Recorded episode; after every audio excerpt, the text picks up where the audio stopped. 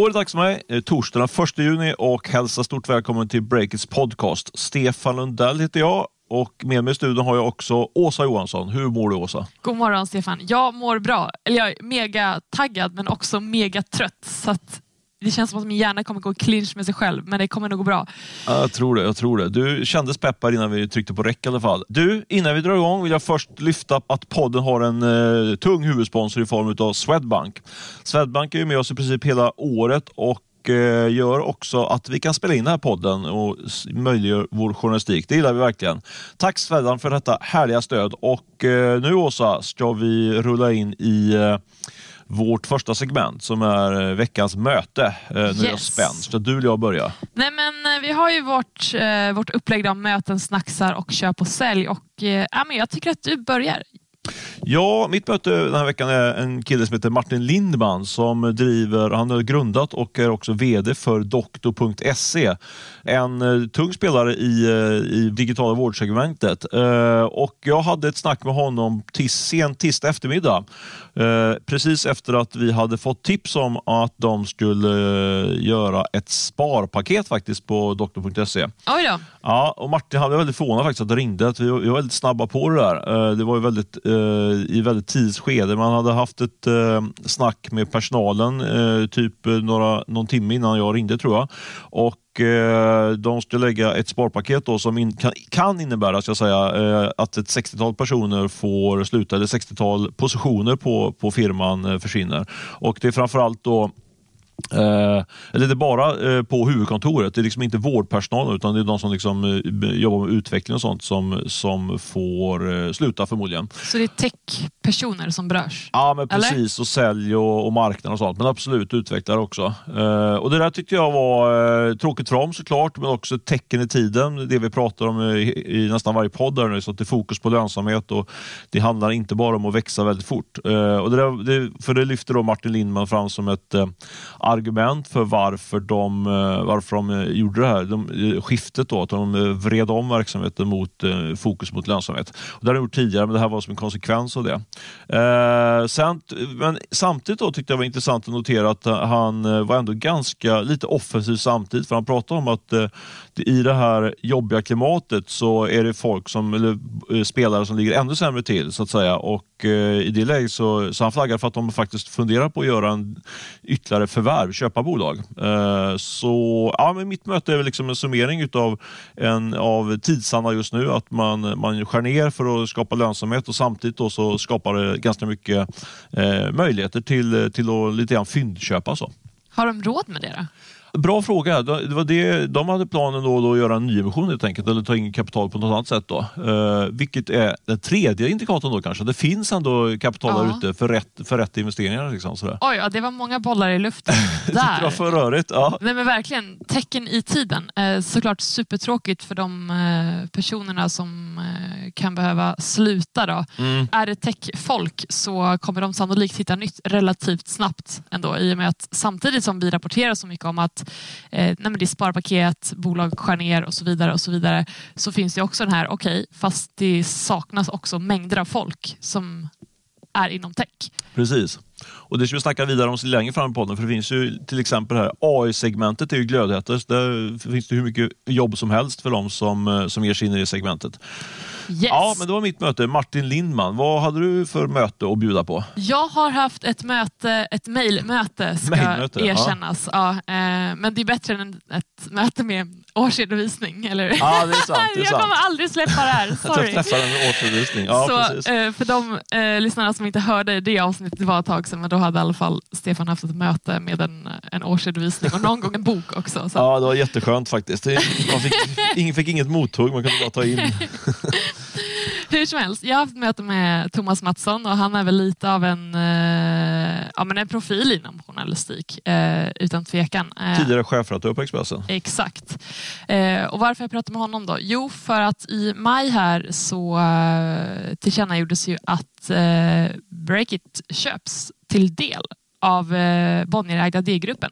30 procent köper de, resten eh, äger ja. vi gamla ägare fortfarande. Det måste man alltid påpeka. måste man alltid påpeka. Ja. Hur känns det nu då när dammet har lagt sig för dig? Uh, nej, men det känns bra i själva affären. Vi hade möte faktiskt med, med, med uh, Bonnier igår kring, uh, kring vår prenumerationsaffär. Så det kändes väldigt bra faktiskt. Det är otroligt uh, imponerande måste jag säga. Och det säger jag inte bara för att jag måste säga utan det var grymt imponerande hela deras maskin de har satt upp för prenumerationsförsäljning.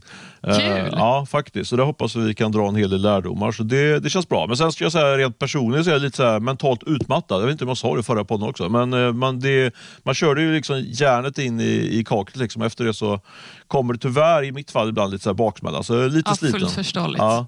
Du får ta och vila upp dig. Ja, får göra det. Eh, men någonting som eh, väckte lite reaktioner ändå var ju när eh, styrelsen kom på tal och det visade sig att det var sex styrelseplatser där samtliga av de här ledamöterna då är män. Och jag mejlade Mattsson och frågade hur, ja, men hur tänkte man när, eh, när den här styren, styrelsen tillsattes. Och då fick jag ett svar då, vilket förvånade mig lite att eh, nej men, eh, de som ska representera Bonnier i Breakers styrelse blir bland annat Paulina Holm som är HR-direktör för hela Bonnier News. Eh, tillsammans med eh, Martin Mellgren och eh, Wilhelm eh, Lindblad. Och, eh, det kändes ju lite uppiggande ändå för att eh, ja, Paulina är uppenbarligen inte en man. Nej. Och eh, Det här vill jag ta upp i och med att, nej men lite som en uppföljning på när vi pratade om det här senast. Eh, och då tänkte jag först börja med att fråga, eh, de här reaktionerna då som, eh, som bubblade upp, vad tyckte du om dem?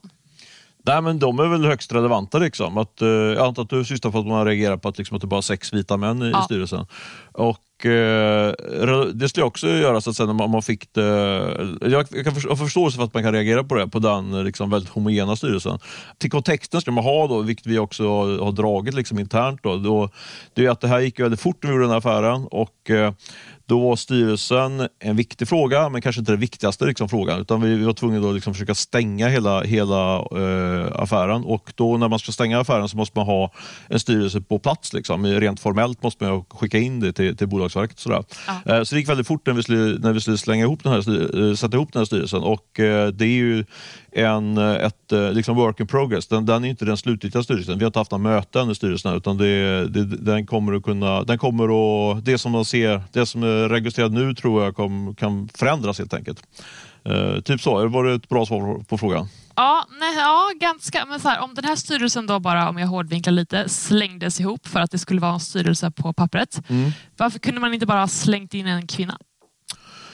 Ja, det är en relevant fråga. Ja, ibland, ibland, går det, ibland går det fort när man ska göra saker och ting. Alltså, det, vi, vi liksom, jag kan ju bara tala utifrån vad vi från vår sida, då, från breaket, Breakit, vi har ju tre styrelseplatser. Liksom. Och jag, att jag och Olle skulle sitta i styrelsen eh, eftersom vi är eh, de största, eller ja men det grundare och sådär. Liksom. Det, var, det tror jag, det kändes ganska naturligt ändå att vi skulle, att vi skulle ha den platsen och sen hade vi med oss ytterligare en, eh, en representant där. Men alltså, jag vet inte vad jag ska svara på riktigt. Det, jag kan inte säga mer än att eh, vi behövde ha någonting på plats. Och det är klart att man, man kan alltid göra saker och ting bättre i efterhand. Och sådär. Men det var, så, det var där vi landade i, landade i den här gången helt enkelt. Och hur går det för, för nu verkar det som att eh, de som representerar Bonnier, att det jag vet ju inte om det här är helt klart, men det har i alla fall blivit ett nytt namn. Ehm, Thomas Mattsson stod ju med i, i, eh, i uppställningen tidigare, men nu är det ju istället Paulina Holm, om jag har förstått det rätt.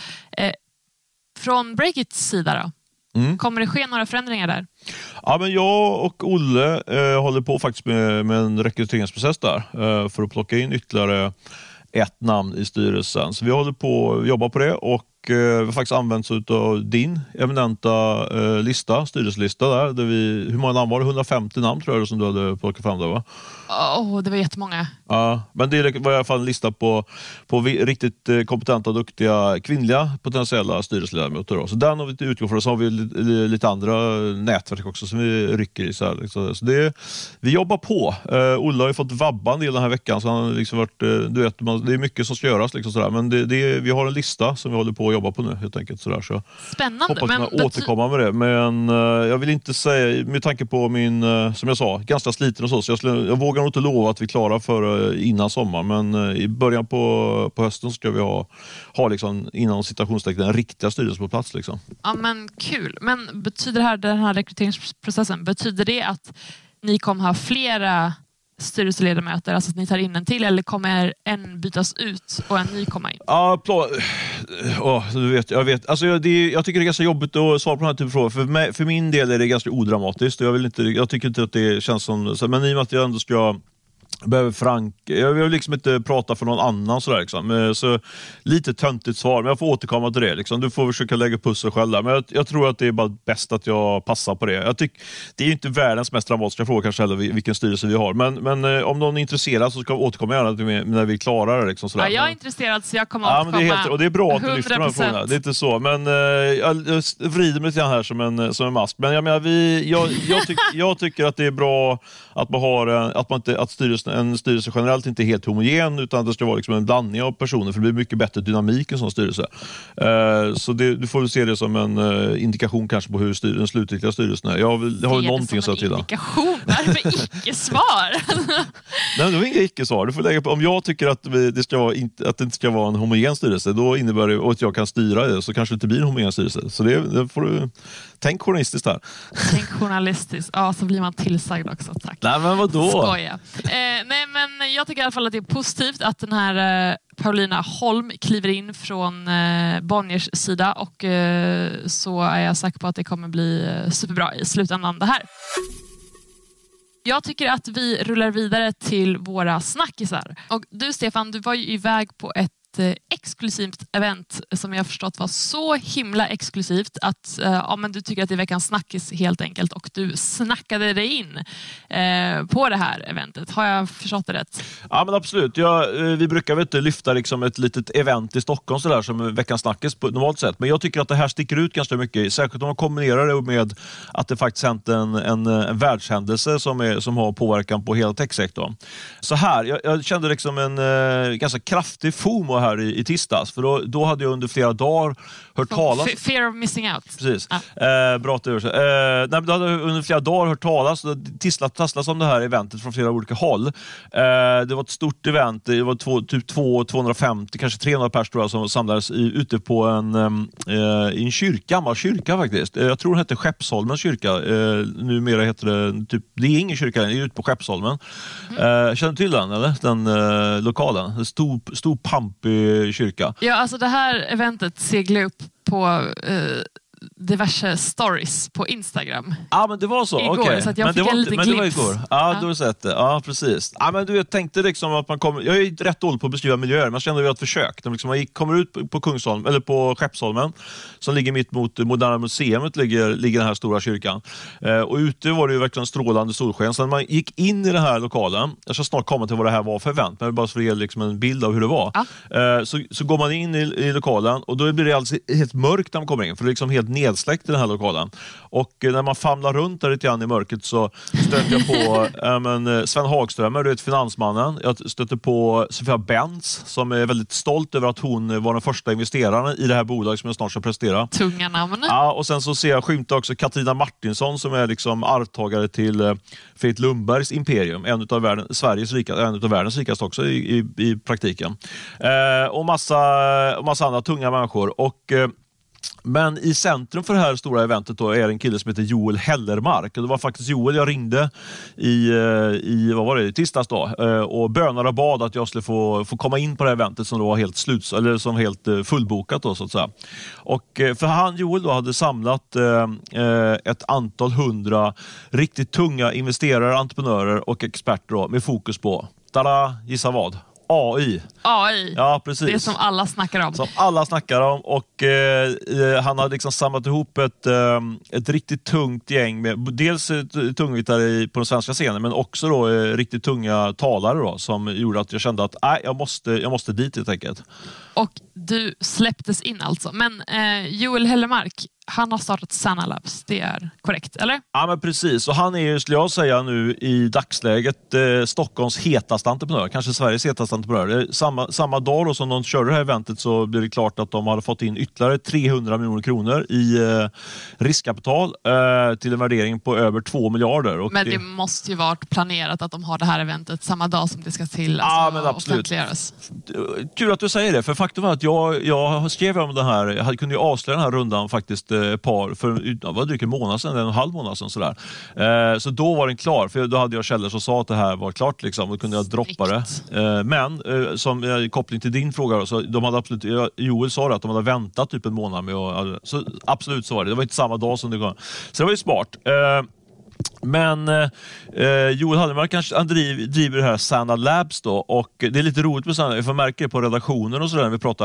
Jag har fått flera frågor, så här, men vad gör de egentligen? Jag fattar inte vad de gör riktigt. Något det, med AI.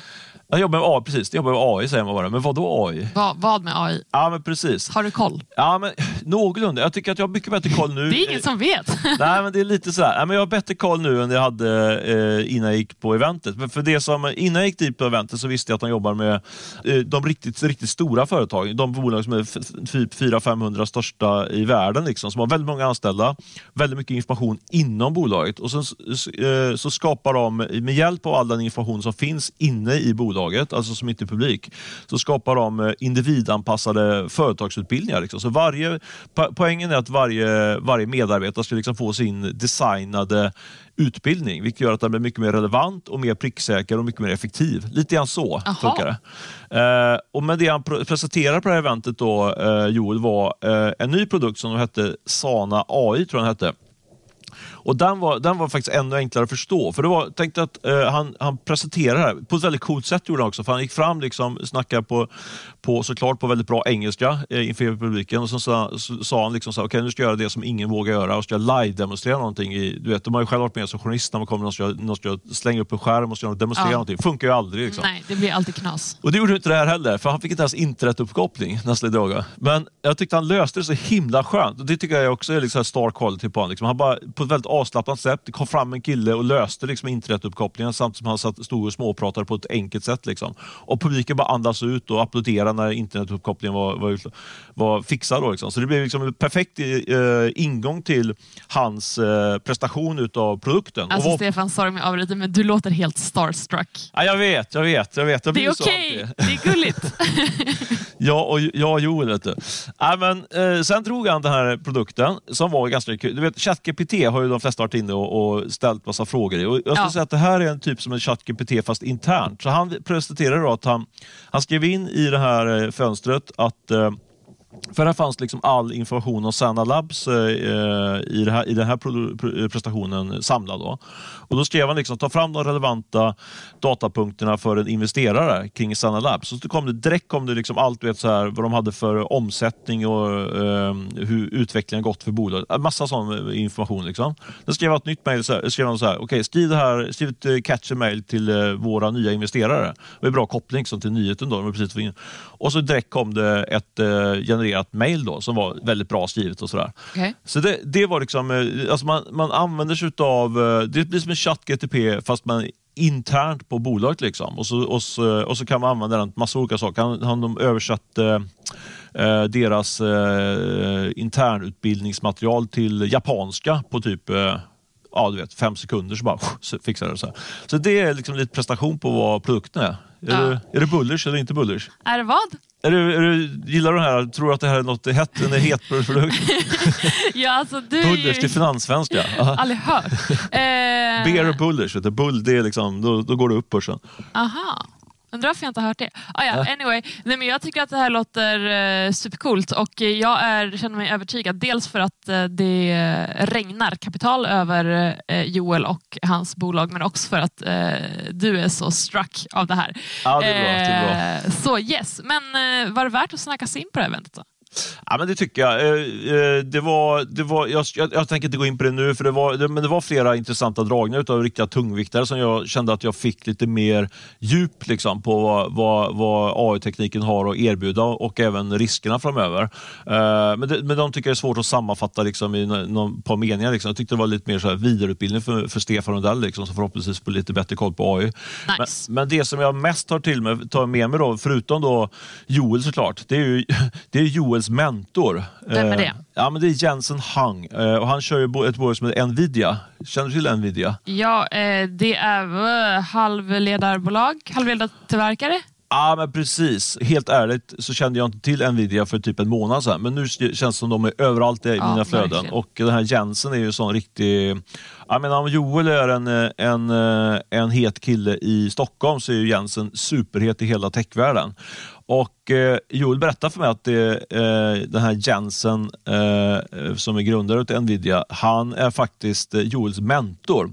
Och eh, Det gjorde mig om möjligt ännu mer starstruck. Men kort bara, måste, jag, måste, jag, måste, jag måste, dra, måste dra, sätta Nvidia i, i, i, sin kontext. Liksom. Du var inne lite grann på halvledare, men de är någon form av så här superhalvledartillverkare. För de, de gör ju ett, ett, ett riktigt, riktigt intelligent och bra eh, chip som kan användas då för att eh, ta fram och träna de här olika AI-produkterna. Och Det sägs att eh, ChatGPT, då, som är, är liksom den hetaste AI-produkten just nu, att eh, den tränades utav eh, utav eh, 10 000 såna här eh, superchip då från Nvidia.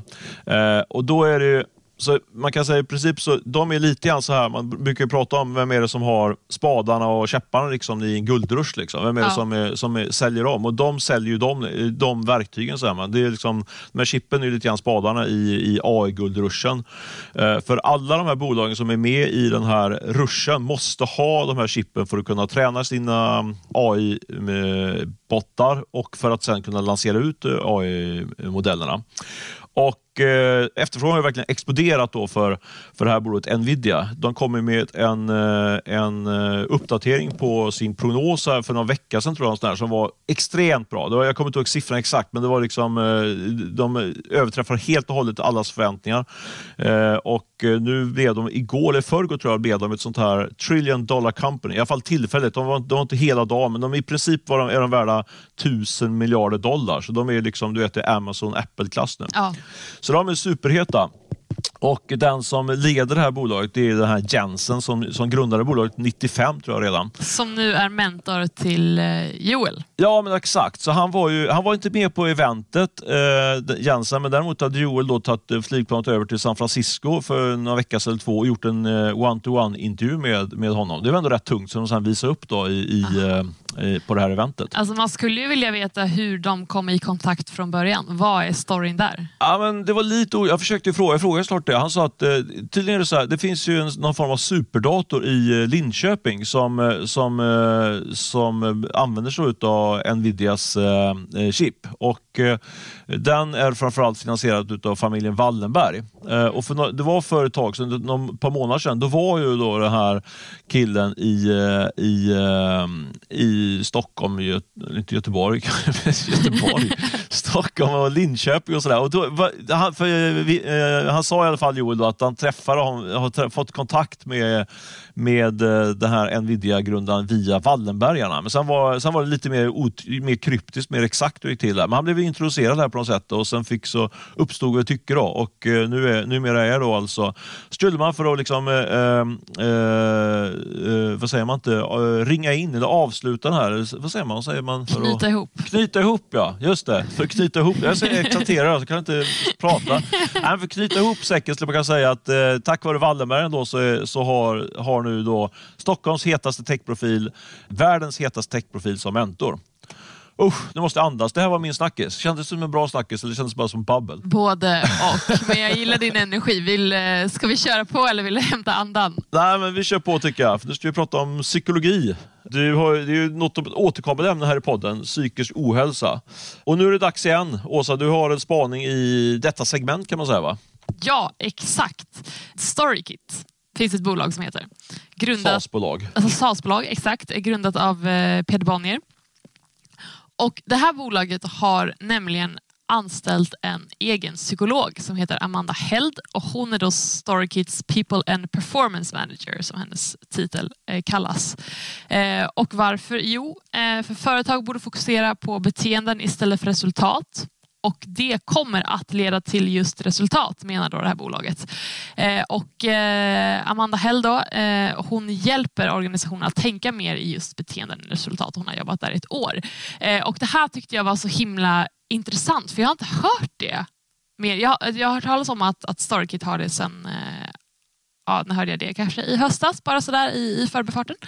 Men det är också okej, okay, hur går det egentligen? För eh, Vi har skrivit om det här på Breakit och de här beteendeförändringarna då som, eh, som de pratar om, det är ju, de är verkligen inte tagna i luften utan det är kopplat till olika resultat och det har skett genom att bolaget har identifierat vilken typ av beteenden som leder till just de resultaten.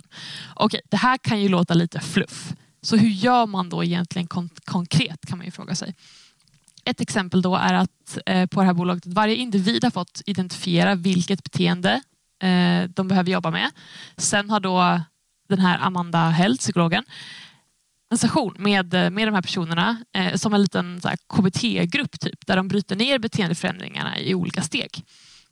Och I de här grupperna så är hon engagerad i varje individ men hon jobbar också mycket med att coacha cheferna i bolaget. Men en sak som jag också tyckte var väldigt intressant var att en av utmaningarna som hon har mött i det här arbetet är att det gäller att hålla fokus på den här beteendeutvecklingen. Hon ska inte vara de anställdas personliga psykolog. Så där måste man ju verkligen liksom ha en... Man måste komma nära fast ändå ha en distans. Tänker Intressant, för det var precis det jag tänkte på när du berättade. Liksom, att det, det, måste vara väldigt lockande, nu kanske jag pratar utifrån mig eget, att man lyfter upp sina egna personliga problem. Liksom, alltså att man börjar bolla sånt i, i de samtalen. Men, det, men så är inte fallet. Man ska foka liksom, på liksom, så prestation eller det, det, man gör på jobbet. Liksom, ja, men jag har förstått det rätt. Att fokusera på beteendeutvecklingen in, alltså i sin tjänst. Mm. Då, och det är så det man gör i gruppen. Samtidigt är det ju såklart kopplat till hur man mår privat och sådär. Men, det, men ja, jag förstår att det ja, gäller att exakt. hålla, hålla Allting hänger liksom. ihop. Ja, intressant. Men alltså, du, du nämnde, jag för mig vi snackade om det här i podden lite grann för ett tag. Men, eh, just det har med kommit på tal. Ja. ja. men det är de liksom ensamma Storykit med att hålla på med det här? Det finns, har du lyckats gräva fram några fler bolag som, eh, som liksom anställt psykologer? Det finns ett till bolag ja. eh, som heter Lime Eh, ett SaaS-bolag som jobbar med CRM-system, alltså de hjälper andra företag att hantera sina kundrelationer, enkelt förklarat. Och det här bolaget de vill eh, att deras ledare ska vara i världsklass. Och de har anställt inte en psykolog men en coach som på heltid ska då arbeta med bolagets chefer. Och det är för att när man ska utveckla ledarskapet och att det ska bidra till affärsnytta. Och deras coach då heter Jessica Schön, om jag uttalar rätt. Eh, men hon, hon är ingen psykolog utan hon har en, en bakgrund som ekonom men har jobbat mycket med ledarskap och eh, målstyrning liksom som konsult. Så varför är det då viktigt för bolagets business att ta hjälp av en, eh, av en coach? Det enkla svaret är helt enkelt enligt henne att det handlar om eh, att det är människorna som skapar resultat. Och har du en ledare som är 20 procent bättre och effektiv i sitt ledarskap så har det direkt påverkan på individens prestation. Eh, de kommer vilja stanna kvar på bolaget och såklart så gynnar det företagets affär. Det låter lite som en, liksom som en no-brainer, men, men vet man liksom eh, med eh, forskning att det fungerar att hjälpa en psykolog eller coach för, liksom, för att få göra resultaten verkligen bli bättre? Alltså, det är en jättebra fråga och väldigt relevant fråga. Så om vi tittar på Storykit, då har deras psykolog jobbat med dem i ett år. Och Jessica Kön på eh, Lime, hon började där i år, om jag har förstått det rätt. Eh, så där har jag har i alla fall inte frågat om någon uppföljning. Hur har det gått? Jag tänker att man kanske behöver lite mer tid för att se om, om det verkligen fungerar. Men jag tänker att det borde verkligen finnas en ordentlig uppsida för bolag som tar in en ja, men psykolog eller coach. Eh, dels för att coacha ledare för att då blir det som att, för det är en sak om man går på så här, eh, nu är inte jag chef själv, men säg att man går på någon så här ledarskapsutbildning en gång vartannat år. Det är säkert jättelärorikt, men jag kan tänka mig att har man en coach in-house som man pratar med kanske varje vecka mer eller mindre, så blir det mer så här att när man kanske tänker mycket mer på det, att, att man applicerar det mer. Att man kommer ihåg det, för att ja, det går inte att undvika på ett sätt. Och Sen kan jag tänka mig också att det måste ju kännas som anställt om man, om man vet att ens chef ständigt liksom är, jag vill inte säga under utbildning, men coachas. Så alltså det måste ju kännas otroligt nej, dels intressant men också ganska tryggt. Liksom, för man vet att okay, har jag en chef som hela tiden utvecklas så kommer den ju också, även om man själv vill utvecklas så kanske det, ja, men det är jobbigt och så vidare. och så vidare. Men att det, liksom, det blir mer naturligt och det, det finns liksom en, en förväntan på att man ska upprätthålla det här. Och sen så tänker jag också att för det, det här liksom nu när man pratar om, visst det är många som får, får gå från sina jobb i samband med sparpaket och sådär men samtidigt så är det ju många bolag som slåss om talangerna och det kommer vi säkert se ännu mera ja, framöver att det är svårt att rekrytera. Och då tänker jag att det här är ju bara jättebra för bolag som använder sig av det här för i, alltså, i alla fall i min krets så var och varannan människa går ju till någon form av psykolog eller terapeut. Det är som att det är på modet att städa upp sig självt mm. mentalt. Och om man då vet att nej, men här är ett bolag som inte nödvändigtvis erbjuder anställda någon form av, av terapi så, men att man vet, nej, men som i vad heter det, Storykids fall då, att man jobbar i grupper med en, eh, med en psykolog. Då tror jag att, att det verkligen är attraktivt som arbetsgivare. Ja men absolut. Det skulle vara intressant och bara slog mig att det är intressant i och med att vi, vi själva saknar liksom hårda data på det. Om det är någon där ute som lyssnar på den som, som vet att eh, det går att belägga med, eh, med eh, data och forskning att det här är bra så kan du mejla till, till oss, eller hur? Absolut, hör av er. Mig når ni på asa.breakit.se. Men tror du att det här är en trend, liksom det här, eller är det något som är, något som är här för att stanna, här, att man skaffar en psykolog eller coach till, till bolaget? Absolut, just för att eh... Alltså dels för jag tror att, att fler och fler bolag ser, ser värdet i det. Även om det kanske, det kanske finns jättetydliga liksom, underlag som pekar på det här. Eller så finns det inte det. Jag vet inte. Men jag tror att det är ganska många som är villiga att testa ändå. Men eh, sen får vi se när det blir. För nu är det många som håller i stålarna så att säga. Men eh, jag tror i alla fall att det finns mycket, att, eh, mycket uppsida, mycket att vinna på det och eh, jag tror att det är många bolag som håller med mig i det. Ja, kanske krävs en viss typ av skala på bolaget ändå. Men, ja, men samtidigt så om man vet att det skulle bli den typen av låt säga 20-30% effektiviseringar då, då behöver man inte vara jättestort bolag för att kunna motivera eh, den investeringen. Nej, verkligen inte. Men det är väl det att man vå, eh, liksom vågar ta det där steget. Jag tror själv att absolut att det, att det är någonting som, eh, som ger resultat. Men ändå därifrån till att liksom anställa någon på heltid, det, det är en stor, ett stort bett också. Liksom sådär, så. Men, eh, men som sagt, eh, jag håller med dig. Jag tror också att det här är något som, det är nog inte en trend, utan det är något som kommer växa liksom, och fortsätta vara, vara här för, för, för lång tid helt enkelt. Här för att stanna. Vidare till uh, våra köp och säljsignaler. Uh, jag, jag kan köra veckans köp. Ja, men kör veckans köp. Lite kort och rappt tänkte jag sätta köp på de okända kinesiska konsulterna på Klarna. Jag skrev om eh, dem här i början av veckan. Det är nämligen så att Klarna har dragit igång ett nytt optionsprogram och Eh, när man läste lite noggrannare i, där, i, i förutsättningarna för optionsprogrammet så framkom det att, eh, att de som skulle ha störst tilldelning i det här optionsprogrammet var faktiskt några som, som eh, kallas för citat kinesiska konsulter. Det blir man lite nyfiken på. Vilka är de där konsulterna? och eh, Klarna la locket på fullständigt men jag grävde faktiskt fram lite mer fakta om de där konsulterna och det ska tydligen vara några riktigt, riktigt duktiga utvecklare med, eh, med kinesiska pass så att säga. Och eh, de har uppåt 50, kanske 100 pers som jobbar som är i, i den där gruppen. Det framgick också av det där optionsprogrammet. Så jag sätter köp på, du får läsa mer på, på sajten, men sen, fram tills dess så sätter jag köp på de här okända kinesiska konsulterna på Klarna. Kul och spännande för dem att de får så hög tilldelning utav Klarnas optionsprogram. Ja men verkligen. Det var min köpsignal denna vecka. Vad har du någon att bjuda på Åsa? Jajamensan. Eh, min köpsignal är på Klara Forslund och eh, Anders Forslund. Jag har nämnt dem tidigare. De är grundare av Heart Aerospace som utvecklar ett eldrivet eh, flygplan. Det var och, de du hälsade på i Göteborg? Eller? Exakt, ja. exakt. Det här reportaget. Om ni inte har läst det, in och läs på break.se. Det blev väldigt bra om jag får säga det själv.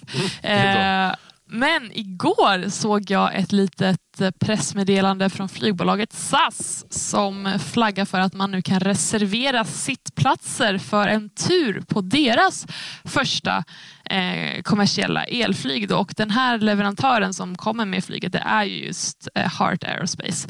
Och den här turen ska gå år 2028 så det är några år kvar. Men alltså det här är ändå, ja, det är inte helt eldrivet, det är en hybrid men det är ändå framtiden är här. Mm. Det här, ja, jag tycker att det här är otroligt spännande och eh, ja, så stark köpsignal på Klara och Anders Forslund. Har, du, har du bokat inne då? Jag har inte bokat in mig med anledningen av att eh, Alltså det går ju så jäkla bra för SAS egentligen. Kommer de finnas kvar 2028? Jaha. Jag gillar att de går ut med det här, men alltså, vilka kommer äga SAS det året om bolaget finns kvar? No idea. Nej, jag fattar. Så det var via SAS man skulle boka det? Liksom. Det var inte... Ja, det var inte, ja, precis. Ja, det kanske är, det kanske eh, rimligt att avvakta en stund. Men jag gillar ändå att man går ut med det, för då känns det som att eh, det är på rull. Verkligen sådana här early bird-biljetter. Ja, verkligen. uh, du, jag, min sälj sätter jag på faktiskt alla uh, de stackars medarbetarna på techbolagen som sitter fast i, i gamla optionsprogram. Jag gjorde en granskning här nu i veckan kring ett, gick igenom och kollade vilka optionsprogram som var, som var in money eller som, var, som inte fanns något värde i alls. Och det verkar vara ganska många. Eh, det är på grund av att värdet i många av de svenska techbolagen gått ner en massa och då är det helt enkelt inte något, något värde i de där optionsprogrammen längre. Och det är Nej. många, många miljoner som har gått upp i rök där. Eh, tufft för de de som sitter låsta i optionsprogrammen, men också lite intressant dilemma då för, tycker jag som man kan lyfta för, för företagen som har gett ut de här optionerna. Nu sitter de lite grann i ett tjuvläge. Ska de gå in och lämna, ge ut nya eh, attraktiva optioner till, till eh, sina anställda? Eh, och Eh, men framförallt tror jag att det kan bli lite svårt att sälja in optionerna. Förut har det varit så att du får optioner och får lite lägre lön, men nu börjar nog folk tycka så här, men de optionerna är kanske inte något värde i ändå, så de är lite brända. Så, där. så jag tror att det kan bli utmaning för både de som ger ut optionerna och sen är det då redan surt då för de som, eh, som inte har något värde i optionsprogrammen. Så de sätter jag sälj på, hela det här gänget. Fattar, men du tror att de här kommer kräva lite högre lön då, om optionsprogrammen inte lika attraktiva? Ja, men jag tror det faktiskt att det kan bli det. Sen, sen är det precis som du var inne på tidigare på att eh, det är ju ett tema liksom att folk eh, helt enkelt blir av med jobben också. Då har man inte så mycket att förhandla om. Så att Men, det, men det känns som att eh, techvärlden blir allt mer och mer uppdelad kring de här bolagen som fortfarande är heta. Det går väldigt bra. Och där tror jag att det där kanske man då kommer framföra krav på lite högre löner istället för att stanna kvar. Då, kanske. Vi får se. Ja. Bra sälj där. Eh, min sälj är Bolt Food som stänger ner i Sverige och det här gör man av affärsmässiga skäl. Och eh, Det ska sägas också att det här beslutet kommer inte att påverka Bolts övriga verksamheter inom taxi och Eh, så mikromobilitet eller vad det kallas. Men varför sätter jag sälj på de här då? Jo, inte för att de stänger ner i Sverige, men för att ett mejl har skickats ut till företagets cykelbud där de uppmanas att lämna tillbaka sina väskor om de vill ha tillbaka sin deposition. Något som kommer med så uppenbart krav på väskans eh, skick. Så förstår jag rätt nu här så har de här cykelbuden fått, eh, ja, fått lägga lite deposition för att få de här väskorna som de har transporterat maten i. Mm.